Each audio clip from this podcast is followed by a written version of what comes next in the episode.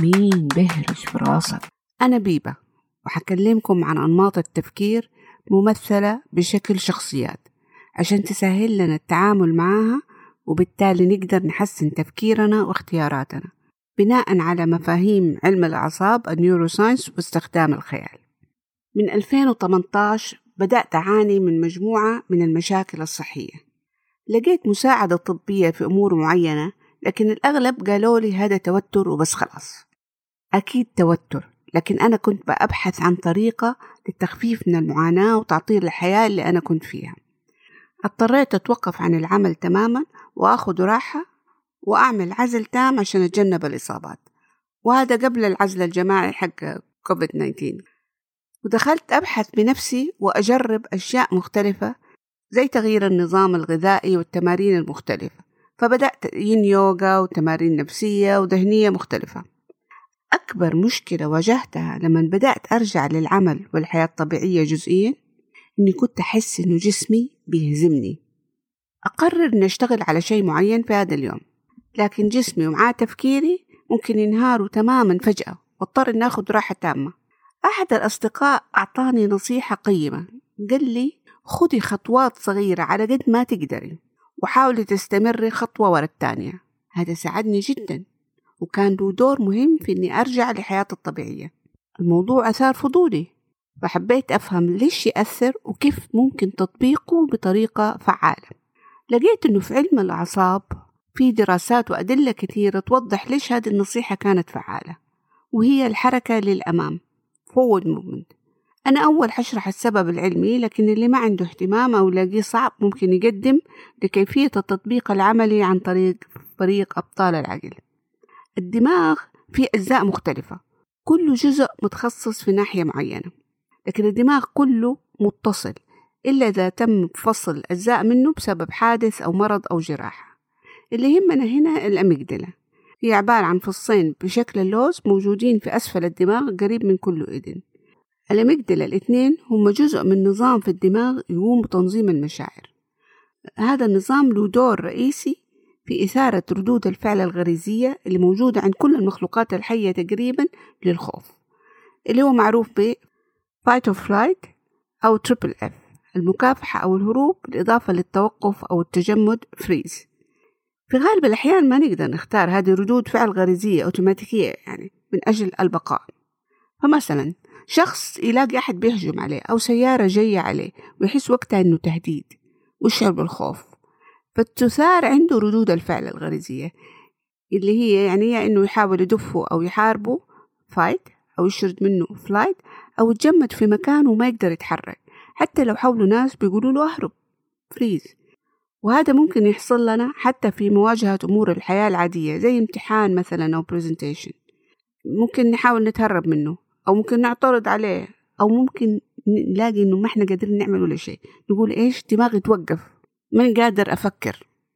فريق من طلاب الدراسات العليا في جامعة ستانفورد تحت إشراف الدكتور أندرو هوبرمان عملوا دراسة في 2018 ووجدوا إنه في رد فعل رابع وهو مواجهة الموقف أو مواجهة التحدي. Forward confrontation. هذا مختلف عن المحاربة. لأنك مثلا لو عندك مشكلة مع مديرك ومتخوف إنك تتكلم معه المحاربة إنك تروح تزعق أو تتخانق معه. المواجهة إنك تكلمه فعلا لتحقيق نتيجة وما تفضل تتهرب. التحرك للأمام أو المواجهة forward movement or confrontation يكون جسدي أو ذهني. تحرك ممكن يكون صغير يسموه leaning into friction يعني الميل يدوب ميل للأمام نحو الاحتكاك. الاحتكاك هنا مو بالمعنى السلبي طبعا. هذا التحرك يخلي الدماغ يفرز neurotransmitters نواقل عصبية مختلفة تعمل شيئين مهمين. أولا تخفض وتكبت نشاط ال amygdala ومشاعر الخوف المرتبطة بالموضوع وبالتالي ردود الفعل الغريزية اللي هي الهرب أو المكافحة أو الجمود. في نفس الوقت هذه الحركة تحفز شبكة دماغية لها علاقة بإفراز الدوبامين. يمكن بعضكم يعرفوا إنه الدوبامين نيوروترانسميتر ناقل عصبي في الدماغ مهم له علاقة بإنه الواحد يشعر بالسعادة. فالبعض يسموه هرمون السعادة. هو كمان مرتبط بالإنجاز وبالتالي الرضا عن النفس. لكن اللي وجدوه في هذه الدراسة إنه مرتبط بالمحاولة من الأساس. يعني تحاول تحس بالرضا عن النفس. يعني تخيلوا إنه كل مرة تحاولوا تميلوا للأمام بإنكم تاخدوا خطوة تجاه أهدافكم دماغكم بيقول لكم برافو عليكم فتشعروا بالحماس وتقدروا تنجزوا. كل خطوة ناخدها بيكون أسهل علينا ننشط هذه الشبكة في المرات القادمة لأنها تكون أخذت عليها. جسديا تمشي أو تجري أو تعمل أي تحرك للأمام. عشان كده نسمع بعض الأخصائيين ينصحوا متضايق تعبان امشي تحرك المسألة مو إن نهمل إننا حاسين بالضيق أو التعب لكن نتقبل ونتحرك. التحرك الذهني إنك تاخد أي خطوة لو صغيرة جدا كل مرة في اتجاه هدف معين. عندك مثلا presentation مسبب لك قلق شديد وتلاقي نفسك بتتهربي كل ما تحاولي تشتغلي عليه أو تحوسي أو تلفي حول نفسك أو تعصبي على نفسك. وتقعدي تعترضي في راسك وتحتجي. يعني دخلتي في حالة triple F استخدمي أسلوب للأمام سر forward movement. خلي هدفك في راسك وخدي خطوة صغيرة. وكمان وراها خطوة صغيرة على قد ما تقدري. حتبدأي تتحركي في الموضوع. لكن طبعا في التحرك الجسدي أو الذهني نحتاج نتحرك بحكمة وبعد تحضير عشان نتجنب الأذى لنفسنا وغيرنا. عندك ألم مرة شديد لا تصر إنك تجري. قبل ما تكلمي مديرك في موضوع شائك حضري بعدة طرق. باختصار التحرك يخفف نشاط ال amygdala وبالتالي يخفف التوتر وردود فعل ال triple F. هذا من ناحية. ناحية تانية يحفز الدوبامين وبالتالي شعور بالحماس والنشاط. نعمل طريقة مبسطة لهذا الكلام كله باستخدام فريق العقل وهذا اللي أنا تقريبا سويته. أول شيء دائما ننشط Q وتسأل إيش أهدافك؟ لليوم والشهر أو السنة والمشروع والحياة وكده. Q تمثل التفكير العقلاني اللي هو تخصص الفصين الأماميين في الدماغ ال frontal lobes ودائما تنشيطها بالسؤال يخلينا نعيد السيطرة على الدماغ ويكون لفريق العقل مش للمخربين. اللي ساعدني لما رجعت للعمل إني قضيت وقت حددت فيه أهدافي أول. بعضها كانت معروفة عندي لأن أجددها تقريبا كل سنة. وبعضها برضو جددتها عشان أخذ في الاعتبار بعض الاتجاهات الجديدة والتغيرات وكتبتها بشكل عام بما فيها النواحي الشخصية والعائلية والصحية مع تحديد الأولويات عشان دايما أعرف اتجاهي مش شرط التفصيل وخاصة في البداية المهم تحديد الاتجاه العام عشان لا يدخل المخربين ويوجهونا نحو الأهداف المعاكسة. ممكن تجزيء حتى الأهداف ونحطها بشكل أهداف أسبوعية أو يومية في الصباح أو اليوم اللي قبله عشان تكون المتابعة أسهل. سراج يوجه انتباهك نحو الهدف ويعيد التركيز باستمرار بأي طريقة تفيدك. آه، زي ما قلنا قبل كده التوكيدات واستخدام الصور تقوي هذا التوجيه. كيو تسأل كيف أحقق هذا الهدف؟ إيش الخطوات اللي أحتاج أخذها؟ برضو نبدأ بشكل عام وبعدين نحدد تدريجيا.